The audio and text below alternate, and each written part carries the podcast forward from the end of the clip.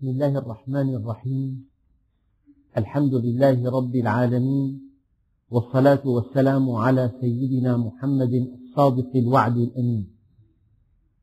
اللهم لا علم لنا إلا ما علمتنا إنك أنت العليم الحكيم. اللهم علمنا ما ينفعنا وانفعنا بما علمتنا وزدنا علما.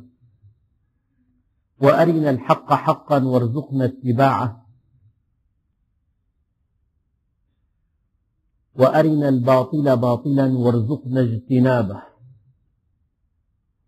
واجعلنا ممن يستمعون القول فيتبعون أحسنه وأدخلنا برحمتك في عبادك الصالحين. أيها الإخوة الكرام في الدرس الماضي كانت آية الكرسي موضوع الدرس وآية الكرسي أعظم آية في القرآن الكريم. وفي قوله تعالى يعلم ما بين أيديهم وما خلفهم. وجدت أن شرح هذه الآية كان مقتضبا في الدرس الماضي. فلا بد من وقفة متأنية عند علم الله تعالى. والإنسان إن صحت عقيدته صح عمله ونجا من عذاب الدنيا ونار الآخرة. وإن فسدت عقيدته ساء عمله فهلك في الدنيا والآخرة. من أسباب سلامة الإنسان وسعادته في الدنيا والآخرة أن تصح عقيدته ليصح عمله. أيها الإخوة الكرام الله عز وجل عليم حكيم. كلمة عليم لها اتجاهات كثيرة. أحد هذه الاتجاهات أن هذا الكون يدل على علم الله عز وجل. كما لو رأيت طائرة تحمل ستمائة راكب وتحلق على ارتفاع خمسين ألف قدم وتنطلق بسرعة عالية جدا تزيد عن ألف كيلومتر وهؤلاء الركاب متمتعون بهواء نقي وضغط مناسب وحرارة معتدلة ويأكلون ويشربون. ستمائة راكب ينطلقون عبر الأطلس بطائرة. هذه الطائرة لا يمكن أن يكون الذي اخترعها وصممها ونفذها وصنعها إنسان جاهل. حينما يصعد إنسان إلى القمر بمركبة لا بد من أن تعتقد أن علم البشرية كلها في هذه المركبة. كيف حققنا لإنسانين آه، مثلا جوا وضغطا وطعاما وشرابا على كوكب لا حياة فيه؟ فأول معنى من معاني العلم أنك إذا دققت في خلق الإنسان لوجدت شيئا لا يصدق. يعني من أجل أن تعرف رائحة هذا العطر لا بد من من آه، نهايات تزيد عن عشرين مليون نهاية. عشرين مليون نهاية شم عصبية شمية. وكل نهاية فيها سبع أهداب. وكل هدب مغطى بمادة لزجة. هذه المادة اللزجة تتفاعل مع الرائحة. فينشأ من التفاعل شكل هندسي. هذا الشكل هو رمز هذه الرائحة. هذا الشكل ينتقل إلى الدماغ. ليعرض على الذاكرة الشمية وقد قدرها العلماء بعشرة آلاف بند. فأي شكل في هذه الذاكرة توافق مع شكل الرائحة؟ عرفت أنت أنه الياسمين أو أنه الورد أو أنه نعنع إلى آخره. فهذا الجهاز جهاز الشم. بالغ التعقيد. لو نظرت إلى العين لرأيت في الشبكية عشر طبقات وفي الشبكية مئة وثلاثون مليون عصية ومخروط من أجل تحقيق الرؤية الدقيقة. وأن هذه العين على صغر حجمها ترى الجبل بحجمه الطبيعي وبألوانه الدقيقة. وتفرق بين لونين من ثمانمائة ألف لون. تفرق بين درجتين من درجات لون واحد تزيد عن ثمانمائة ألف درجة. وأن العصب البصري يزيد عن تسعمائة ألف عصب. ولكل عصب غلد لئلا تنتقل الإشارة من عصب إلى عصب. وأن دماغ الإنسان يزيد عن 140 مليار خلية وأن قشرة الدماغ تزيد عن 14 مليار خلية وأن في شعر الإنسان كل شعرة لها وريد وشريان وعصب وعضلة وغدة دهنية وغدة صبغية. يعني أنت قد تمسك قرص آه، للكمبيوتر في 1200 كتاب 1200 كتاب. وكل كتاب قد يكون عشرين جزء. هذا الكتاب بأدق الحروف والحروف مضبوطة بالشكل وهناك ألف طريقة للبحث. بحث كلمة بحث موضوع. وكلما بحثت شيئا جاءك الجواب خلال ثواني. يعني هذا الجهاز يقرأ. هذه الكتب كلها حرفا حرفا في أقل من عدة ثواني ويأتيك الجواب. أيعقل أن هذا الذي صنع هذا القرص جاهل؟ هذا منحا من مناحي العلم.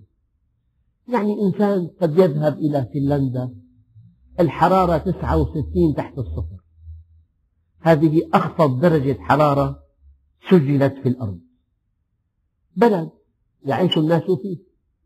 وأنت في هذا البلد قد ترتدي المعاطف والألبسة الصوفية والجوارب الصوفية والأحذية المبطنة بالفرو وقد ترتدي القبعات وكل شيء لكنك لن تستطيع أن تحجب عينيك.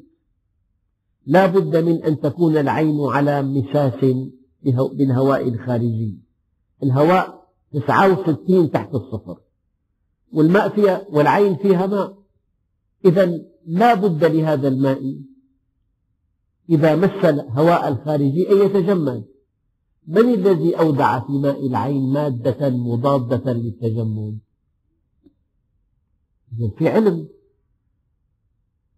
لماذا الأرض إذا انطلقت حول الشمس واقتربت من القطر الأصغر ترفع سرعتها؟ لينشأ من رفع سرعتها قوة نابذة تكافئ القوة الجاذبة. ولماذا ترتفع السرعة ارتفاعا بطيئا؟ تسارع بطيء؟ والتباطؤ بطيء؟ يعني هذا لو ذهبنا نسير في هذا الاتجاه وبحثنا في المجرات وفي المذنبات وفي الكاذارات وفي الثقوب السوداء وفي المسافات بين النجوم وفي عدد المجرات شيء الإنسان يخر لله ساجدا. لو وصلنا إلى أجهزة الجسم طيب هذا القلب الذي يعمل ثمانين عاما لا يرتاح أبدا. ثمانين أي عضلة أخرى؟ حرك يدك هكذا. بعد دقيقتين تصاب بحالة اسمها الإعياء. لا تستطيع المتابعة. أجري بعض التمارين الرياضية. إضغاط خمسة عشرة خمسة عشر رياضي عشرين متمرس ثلاثين بعدين توقف طيب هذا القلب ثمانين سنة لا يكل ولا يمل ولا يقف إلا وقفة واحدة عند نهاية الحياة. من صمم هذا القلب؟ من صمم هذه العضلة التي لا تتعب؟ من صمم هذه الأوعية الدموية التي هي كالقلب تماما مرنة؟ أنا سمعت أنه الشريان التاجي بيتحمل ضغط عشرين بار. البار الكيلو على السنتي يعني بيتحمل أثناء آه، وضع بالون في الشريان كي آه، تضغط حوافه الكلسية أو آه، بيتحمل ضغط عشرين بار. طيب ما هذه المرونة للشريان والشريان قلب. حينما ينبض القلب يتمدد الشريان. ولأنه مرن يعود كما كان صار قلب ثاني. فكل أوعية الجسم قلوب. هل وراء هذا الجسم الإنساني علم؟ طبعا. يعني الحديث طويل ولا تنتهي دروس ودروس وأشهر وسنوات في الحديث عن خلق الإنسان وعن خلق الأكوان. لا أريد أنا أن أن أستقصي أريد أن أضرب أمثلة فقط. معقول غدة صغيرة لا تزيد عن سلامية الإصبع. إلى جوار قلب. هذه الغدة أخطر غدة في الإنسان. أيعقل أن تكون كلية حربية. تدخلها الكريات البيضاء التي معها سلاح فتاك وهي جاهلة. كي تتلقى دروسا في معرفة العناصر الصديقة من العدو. تتلقى خلال سنتين دروس دقيقة جدا. وبعدها تتخرج خلايا بيضاء تائية مثقفة. تتولى تعليم الأجيال من بعدها الحديث عن الغدد عن القلب عن الأوعية عن الرئتين عن الكليتين في طريق بالكليتين 100 كيلو متر عن البنكرياس عن الكبد عن خمسة آلاف وظيفة في الكبد. الطحال مقبرة للكريات البيضاء ومعمل دم احتياط ومكان تحليل. الطحال الغدة الدرقية مكان الاستقلاب الغدة النخامية لا تزيد عن لا يزيد حجمها عن نصف وزنها عن نصف غرام. نصف غرام. ملكة الغدد الصماء. تفرز 12 هرمون. كل هرمون تبنى عليه حياة الإنسان. هرمون النمو. هرمون توازن السوائل. لو اختل هذا الهرمون لأمضى الإنسان كل وقته إلى جانب الصنبور ودورة المياه. لشرب أكثر من عشرين سنة ماء في هرمون ضبط السوائل بالجسم. أنا أريد كلمة واحدة. الذي خلق الإنسان عالم عليم. العلم المطلق. انظر إلى مركبة صنعت في عام 1900 هي الآن بالمتاحف. عجلاتها ليس فيها هواء. صماء. ليس فيها أجهزة امتصاص صدمات. ليس فيها آه، علبة سرعة. الإضاءة فانوس يشعل بالليل بالكبريت والزيت. سيارة بدائية جدا. انظر إلى سيارة صنعت في عام 2000 من أرقى الماركات. كم هو البون شاسع؟ بين مركبة صنعت عام 1900 وبين مركبة, مركبة صنعت عام 2000 إنها خبرة الإنسان التي تتنامى. فالإنسان خبرته حادثة. تنمو بالخطأ والصواب. تنمو هل طرأ على الإنسان تطويل في إنسان موديل 2000 هل طرأ على الإنسان منذ أن خلقه الله تعديل؟ معنى ذلك أن خبرة الله قديمة. فهذا جانب من جوانب علم الله عز وجل. هذا الكون بمجراته بسماواته بأرضه بأسماكه بأطياره بحيواناته بنباتاته بخلق الإنسان بأجهزته بأعضائه بحواسه ينطق بعلم الله. يعني أنت لو اقتنيت جهاز بالغ التعقيد. ثم رأيت الذي اخترعه تقف أمامه بإجلال لا حدود له. لأنك تعلم أنه عالم كبير وعبقري فذ. فكلما دققت في آيات الله في خلقه وفي مخلوقاته لعرفت أن الله عليم. هذا جانب. الجانب الآخر. الله عز وجل عليم بحاجاتنا. كل حاجات الإنسان وفرها لنا على سطح الأرض.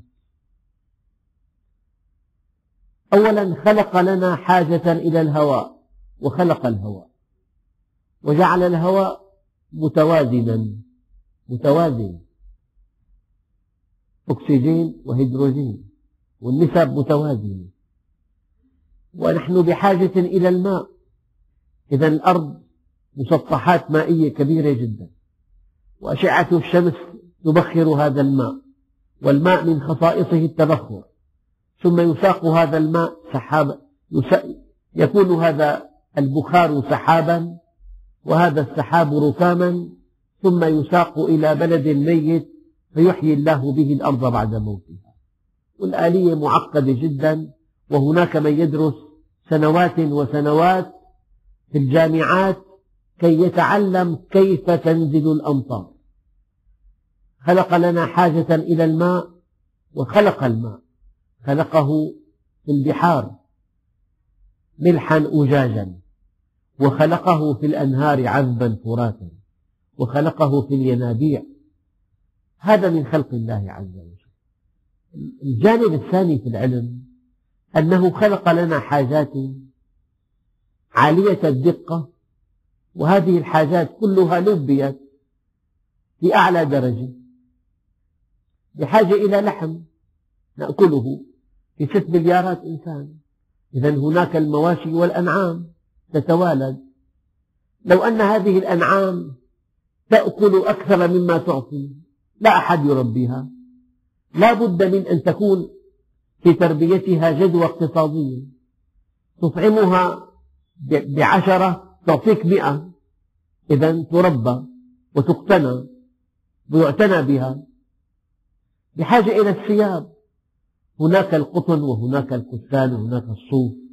بحاجة إلى بيت نؤوي إليه هناك الصخور والأحجار وما شاكل ذلك. يعني أي شيء خطر على بالك تجده في الأرض.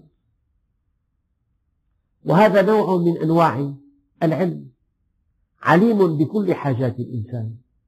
وقد وفر له كل هذه الحاجات ومن هذا نفهم معنى الربوبية الحمد لله رب العالمين الذي أمد المخلوقات بكل ما تحتاج. أما المنحى الثالث الذي أركز عليه في هذا الدرس في قوله تعالى يعلم ما بين أيديهم وما خلفهم هو أن الله يعلم عالم الغيب والشهادة. يعني كل شيء في الكون يعلم الله حركاته وسكناته. لماذا؟ لأن الله يحركه. يعني أنت حينما يأتي إنسان ويمسك هذا الكأس ويضعه من هذا المكان إلى هذا المكان وأنت تراه. أنت لماذا تعلم أنه تحرك هذا الكأس؟ لأنك رأيته قد تحرك. أما إذا أمسكته بيدك وحركته هذا علم أبلغ لأن كل فعل لا يكون إلا من قبل الله تعالى. إذا الله عز وجل هو الفعال وهو العليم يعلم ما يفعل. إذا عالم الشهادة. كل شيء أمامك يعلمه الله علما مطلقا بأدق أدق التفاصيل. أنت لك من الإنسان ظاهره لكن الذي يعلم باطنه وتاريخه وصراعاته ومنبته ومشربه ومطعمه وأخلاقه وعلاقاته هو الله عز وجل.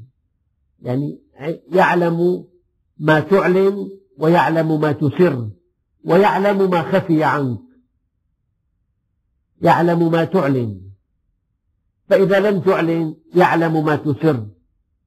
وهناك علم لا تعلمه أنت الله يعلمه. وعلم ما, لو ما لم يكن لو كان كيف كان يكون. هذا منحى ثالث في علم الله عز وجل. لا تخفى عليه خافية. إن تكلمت فهو سميع. وإن تحركت فهو بصير. وإن سكت وجمدت في مكانك فهو عليم. بما يجري في داخلك سميع بصير عليم. وهو معكم أينما كنتم بعلمه. أينما ذهبتم. يعلم كل حركاتك وسكناتك. يعلم خواطرك. يعلم خائنة الأعين. يعني إنسان جالس في بيته. أمامه شرفة خرجت امرأة الجيران. إن نظر أو غض ليس في الأرض كلها. إنسان يضبطه. في غرفته جالس والنافذة مفتوحة. وهو في الظلام والنافذة تحت أشعة الشمس. إن نظر أو لم ينظر من الذي يعلم خائنة عينه؟ الله جل جلاله. هذا منحى ثالث في علم الله. يعني مع كل الخلق بالعلم يعني يسمع دبيب النملة السمراء على الصخرة الصماء في الليلة الظلماء. قد يكون على سطح القمر تضاريس يعلمها. في المجرات حركة المجرات في رؤوس الجبال في أعماق الأرض هذه البراكين والزلازل من يعلم حركة الأرض؟ وما فيها من ضغوط الله جل جلاله. من مع كل سمكة في أعماق البحار. كم سمكة في البحار؟ في مليون. إياك أن تتوهم أني أقول مليون سمكة. في مليون نوع من الأسماك. مليون. أما الأعداد أعداد بأرقام فلكية. بدءا من سمكة الزينة التي لا تزيد عن سلامية اليد وانتهاء بالحوت الأزرق الذي يزن 150 طن. حوت أزرق هذا الحوت الأزرق وزنه 150 طن. يستخرج منه 90 برميل زيت. 50 طن دهن. وزن قلبه نصف طن. وليده يحتاج إلى 300 كيلو حليب كل يوم في الوجبة عصرونية يحتاج إلى ثلاث رضعات في اليوم تساوي طن طن من الحليب. بدءا من سمكة لا تزيد عن سلامية اليد قد تكون شفافة من الأسماك زينة وانتهاء بالحوت الأزرق. كائنات البحر شيء لا يصدق لا يصدق. فعلم الله عز وجل من هذا القبيل يعلم مع كل سمكة ومع كل طائر ومع كل نملة نملة بل مع كل جرثومة بل مع كل فيروس. الفيروس لا ترى بالعين لا ترى. الإذ فيروس لا يرى. من يسوقه من إنسان إلى إنسان؟ الله عز وجل. هذا منحى ثالث في علم الله عز وجل. أما المنحى الرابع هو علم الغيب. الله جل جلاله يعلم ما سيكون علم كشف لا علم جبر. الآن دخلنا إلى موضوع دقيق جدا في الدين. يعني الإنسان مخير أم مسير؟ الإنسان مخير. وفي أي لحظة توهم الإنسان أنه مسير انتهى الدين. وانتهى التكليف. وألغيت, وألغيت الأمانة. وألغي الثواب. وألغي العقاب. وألغيت الجنة. وألغيت النار. من شاء فليؤمن ومن شاء فليكفر. إنا هديناه السبيل إما شاكرا وإما كفورا. فالله عز وجل فيما يتعلق بالغيب يعلم علم كشف لا علم جبر. لو أن الله أجبر عباده على الطاعة لبطل الثواب. ولو أجبرهم على المعصية لبطل العقاب. ولو تركهم هملا لكان عجزا في القدرة. الله عز وجل يعلم ما سيكون لا علم جبر. ومن يعتقد أن الله أجبر عباده على المعاصي والآثام فعقيدته زائغة يرفضها القرآن الكريم. لها ما كسبت وعليها ما اكتسبت. ولكل وجهة هو موليها فاستبقوا الخيرات. أي أول نقطة في الدين الإنسان مخير فيما كلف. مخير أمرك أن تصلي. فأنت في موضوع الصلاة مخير. تصلي أو لا تصلي. أمرك أن تكون صادقا. فأنت في موضوع الصدق مخيرا أو مخير. أمرك أن تكون محسنا. فأنت في موضوع الإحسان مخير. تحسن أو تسيء. تصدق أو تكذب. تصلي أو لا تصلي. تحضر مجلس علم أو تحضر في ملهى مخير. تتقن عملك أو تهمل. تربي أولادك أو لا تربيهم. تحسن إلى زوجتك أو لا تحسن. تغض بصرك أو لا تغض. تذكر الله أو لا تذكر. أنت مخير فيما كلفت. أي حقيقة صارخة قاطعة ثابتة تؤيدها. الآيات الكثيرة والأحاديث الصحيحة. جاء رجل إلى سيدنا عمر وقد شرب الخمر. فقال رضي الله عنه أقيموا عليه الحد. فقال هذا الرجل يا أمير المؤمنين إن الله قدر علي ذلك. فقال رضي الله عنه أقيموا عليه الحد مرتين. مرة لأنه شرب الخمر ومرة لأنه افترى على الله. قال ويحك يا هذا إن قضاء الله لم يخرجك من الاختيار إلى الاضطرار. أنت مخير فيما كلفت ومسير فيما لم تكلف. أنت ولدت في الشام مسير. من فلان الفلاني مسير. من فلان الفلانية مسير. بقدرات معينة مسير بقامة مديدة مسير بقامة قصيرة مسير بصحة جيدة مسير بصحة معلولة مسير لكن هذا التسيير لصالحك. لصالح آخرتك. ولصالح إيمانك. وليس في الإمكان أبدع مما كان. أي ليس في إمكاني أبدع مما أعطاني. أنت مخير فيما كلفت مسير فيما سوى ذلك. لكن هذا التسيير لصالحك. ولكن بعد أن سيرك الله وخلقك من أب وأم وبيئة وإمكانات وقدرات معينة هي كمال لك ثم كلفك التكليف الإسلامي. أنت إما أن تستجيب يا أيها الذين آمنوا استجيبوا لله وللرسول إذا دعاكم لما يحييكم أو لا تستجيب. فإن استجبت سيرك نحو مصالحك الدنيوية والأخروية. كافأك بتسير نحو مصالحك. يقدر لك زواج ناجح عمل جيد صحة طيبة سمعة طيبة إلى آخره. أما إن لم يستجب فالله عز وجل مربي رب العالمين. يسوق له تسييرا بعض الشدائد كي ترجعه إلى الله.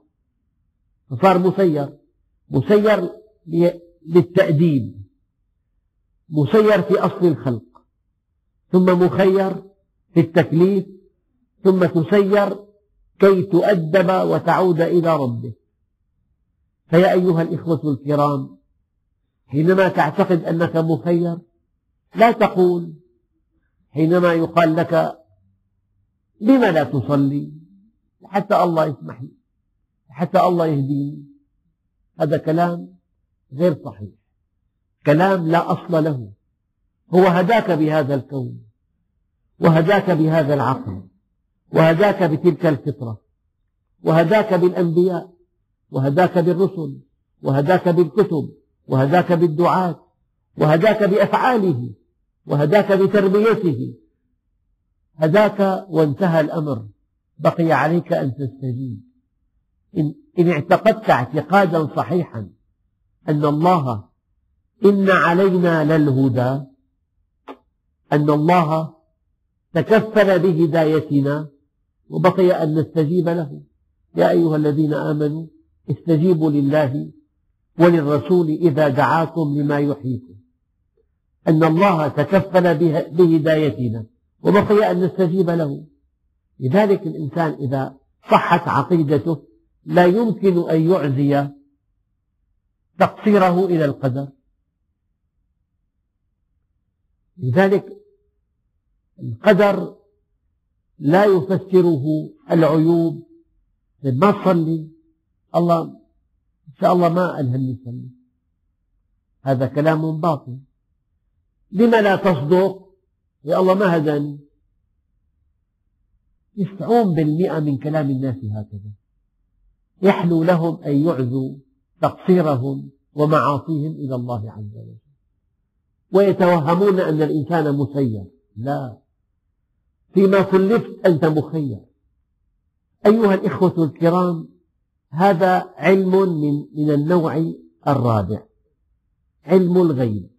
الله عز وجل يعلم ما يكون ولكن علم كشف لا علم جبر. علم كشف.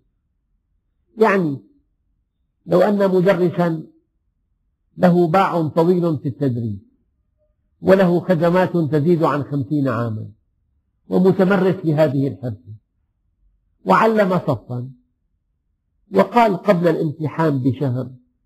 هذا الطالب لا ينجح. وهذا الطالب ربما كان الأول على الصف.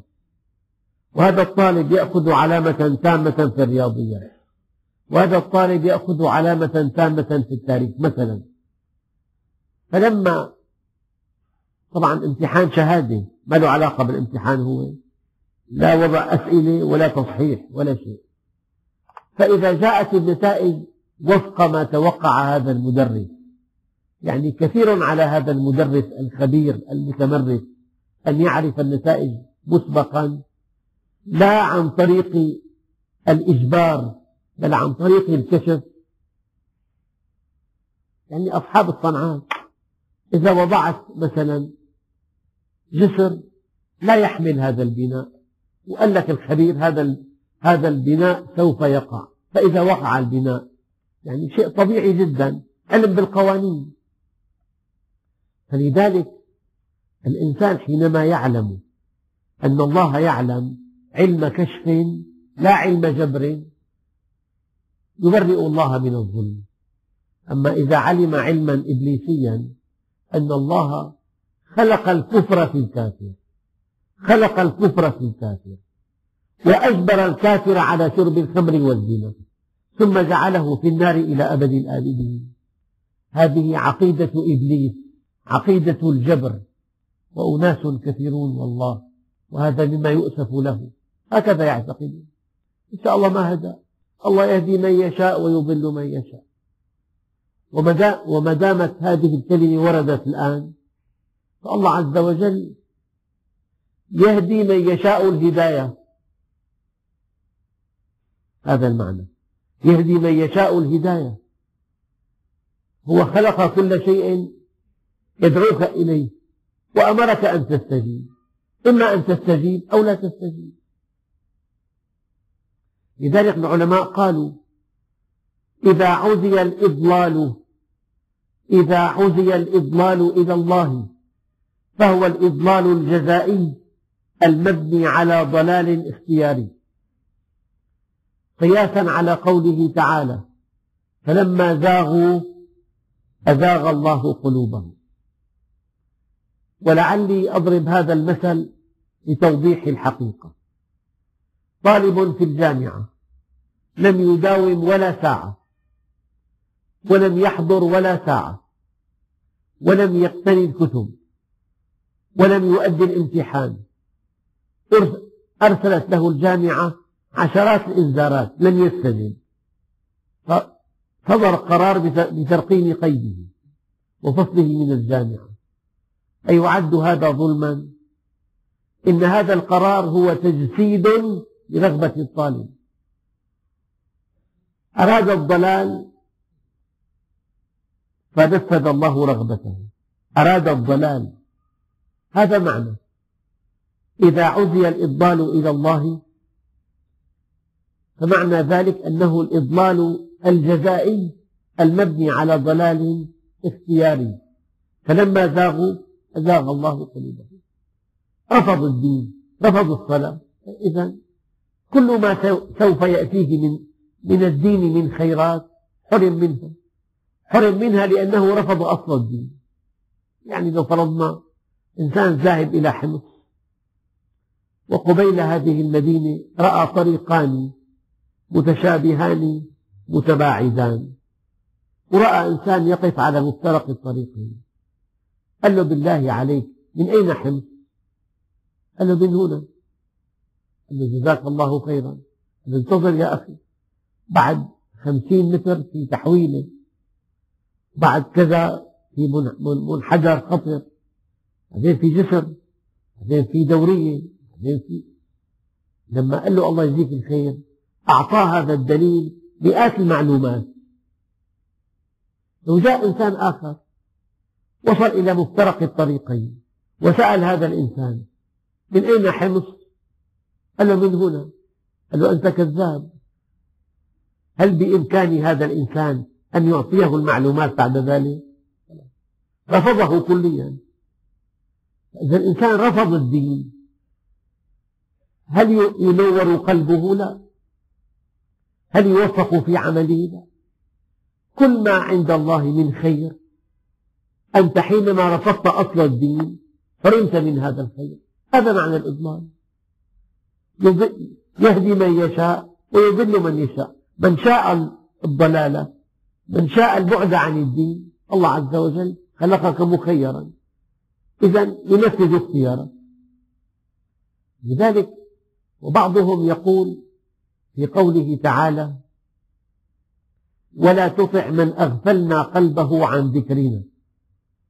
أغفلنا لو فتحتم كتب اللغة ومعاجم اللغة لوجدتم أن معنى كلمة أغفلنا وجدناه غافلا.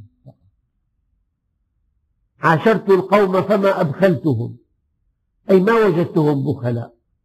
عاشرت القوم فما أجبنتهم ما وجدتهم جبناء يعني وزن أفعل في اللغة لا تعني أنه خلق الجبن فيهم وخلق الغفلة فيهم. تعني أنه وجدهم هكذا. ولا تطع من أغفلنا قلبه عن ذكرنا واتبع هواه وكان أمره فرطا يا أيها الإخوة الكرام في اللحظة التي تتوهم أن الإنسان مجبور على كل أعماله. وليس له اختيار انحرفت العقيدة انحرافا خطيرا. ومع هذا الانحراف انحراف سلوكي. لما الاستقامة لما العمل الصالح؟ القضية منتهية. ألقاه في اليم مكتوفا وقال له إياك إياك أن تبتل بالماء. أيها الإخوة ثم إن من معاني الإضلال أن الله يضل عن شركائه لا عن ذاته. يعني يوم القيامة يقول الله عز وجل أين شركائي الذين كنتم تدعون من دون الله؟ ملأوه. قالوا ضلوا عنا. قال الله عز وجل كذلك يضل الله الكافرين. يعني يضلهم لا عن ذاته العلية يضلهم عن أصنامهم وعن شركائهم. التي ليس لها سلطان في الأرض. إذا كلمة يعلم ما بين أيديهم وما خلفهم يعني يعلم حاضرهم ومستقبلهم يعني يعلم علم الشهادة وعلم الغيب. ولكن حينما يقرأ المسلم القرآن يمر على آيات كثيرة ليعلم الله الذين جاهدوا منكم ويعلم الصابرين. كلمة ليعلم هل تعني أنه لم يعلم من قبل؟ لا. يعني آيات كثيرة. ليعلم الله من يخافه بالغيب. ليعلم الله الذين صدقوا ويعلم الكاذبين. قال علماء العقيدة حيثما وردت كلمة ليعلم في القرآن الكريم تعني العلم الحصولي. يعني تماما المدرس قال هذا الطالب سيكون الأول على صفه. هذا علم كشف. فإذا أدى امتحانا وكان الأول على صفه هذا علم حصولي. يعني هذا علم الكشف حصل. فالعلم الأول علم كشف قبل أن يحصل والعلم الثاني علم حصول بعد أن حصل. هكذا. أيها الإخوة الكرام يعني أوراق كثيرة في هذا اليوم وصلتني. لعل من أهمها أن شابا متدينا يحضر مجالس العلم. متزوج وله زوجة يعني بحسب ما قرأت. هذا الكلام متعلق بما قرأت. له زوجة تسيء إلى أمه إساءة بالغة وأمه بدأت تغضب عليه وبدأت تتألم منه أشد الألم. أيها الإخوة الشاب المؤمن يعطي كل ذي حق حقه لا يسمح لزوجته أن تتجاوز حدها مع أمه كما لا يسمح أن تظلم زوجته. سئل النبي عليه الصلاة والسلام أي النساء أعظم حقا على الرجل؟ يعني في عالم المرأة أية امرأة أعظم حقا على الرجل؟ قال أمه. فلما سئل أي الرجال أعظم حقا على المرأة؟ قال زوجها. يعني بعالم الرجال أعظم رجل في حياة المرأة زوجة. وفي عالم النساء أعظم امرأة في عالم الرجال في عالم النساء الأم. المؤمن يعطي كل ذي حق حقه. أما لو أن أمه أمرته بمعصية أمرته أن يفعل منكرا أمرته بالاختلاط في البيت الواحد مع نساء إخوته. أمرته أن يعصي الله. لا طاعة لمخلوق في معصية الخالق. لا طاعة لمخلوق في معصية الخالق. هذه الأم التي قالت لابنها إما أن تكفر بمحمد وإما أن أدع الطعام حتى أموت. سيدنا سعد بن أبي وقاص؟ قال يا أمي لو أن لك مئة نفس فخرجت واحدة واحدة ما كفرت بمحمد فكلي إن شئت أو لا تأكلي. أما إذا أمرته أمه أن يعينها أن يطعمها أن يكسوها أن يدفع لها فواتير الكهرباء مثلا. هذه أوامر يجب أن تنفذ. إذا كنت مؤمنا بارا بوالدتك. فأنا أريد من كل أخ مؤمن يرتاد المساجد وهو محسوب على المؤمنين أن يعطي كل ذي حق حقه للزوجة حق وللأم حق. فإذا لبى حق زوجته ونسي حق أمه يحاسب. وإذا لبى حق أمه ونسي حق زوجته يحاسب. أنا أدعو إلى التوازن. وإذا كان الزوج موفقا يعطي كل ذي حق حقه. فلا يسمح لواحدة أن تظلم الطرف الآخر. إن سمح لزوجته أن تتطاول على أمه وأن تسمعها الكلام القاسي فالله يغضب عليه لأن غضب الأم يوجب غضب الله عز وجل. لأن غضب الأم المحق يوجب غضب الله عز وجل. لما جاء إنسان إلى النبي وشكى ابنه غزوتك مولودا وعلتك يافعا والقصيدة شهيرة جدا حتى إذا ما بلغت السن والغاية التي كنت فيها أؤمل جعلت جزائي منك وغلظة كأنك أنت المنعم المتفضل فليتك إذ لم ترعى حق أبوتي فعلت كما الجار المجاور يفعل بكى النبي فالأب والأم له حقوق على الأولاد غير محدودة إلا أن يؤمر الأولاد بمعصية الله. إذا أمر وإن جاهداك على أن تشرك بي ما ليس لك به علم فلا تطعهما وصاحبهما في الدنيا معروفا أما الأم إن طلبت أن تخدمها أن تلبي حاجتها هذا واجب عليك. أما لا سمح الله ولا قدر وهذه حالات نادرة. إن أمرتك أن تعصي الله وإن جاهداك على أن تشرك بي ما ليس لك به علم فلا تطعهما وصاحبهما في الدنيا معروفا. فالشاب المؤمن الذي يرتاد المساجد والذي يحسن الظن به وهو مظنة صلاح ينبغي أن يعطي أمه حقها وزوجته حقها والحمد لله رب العالمين.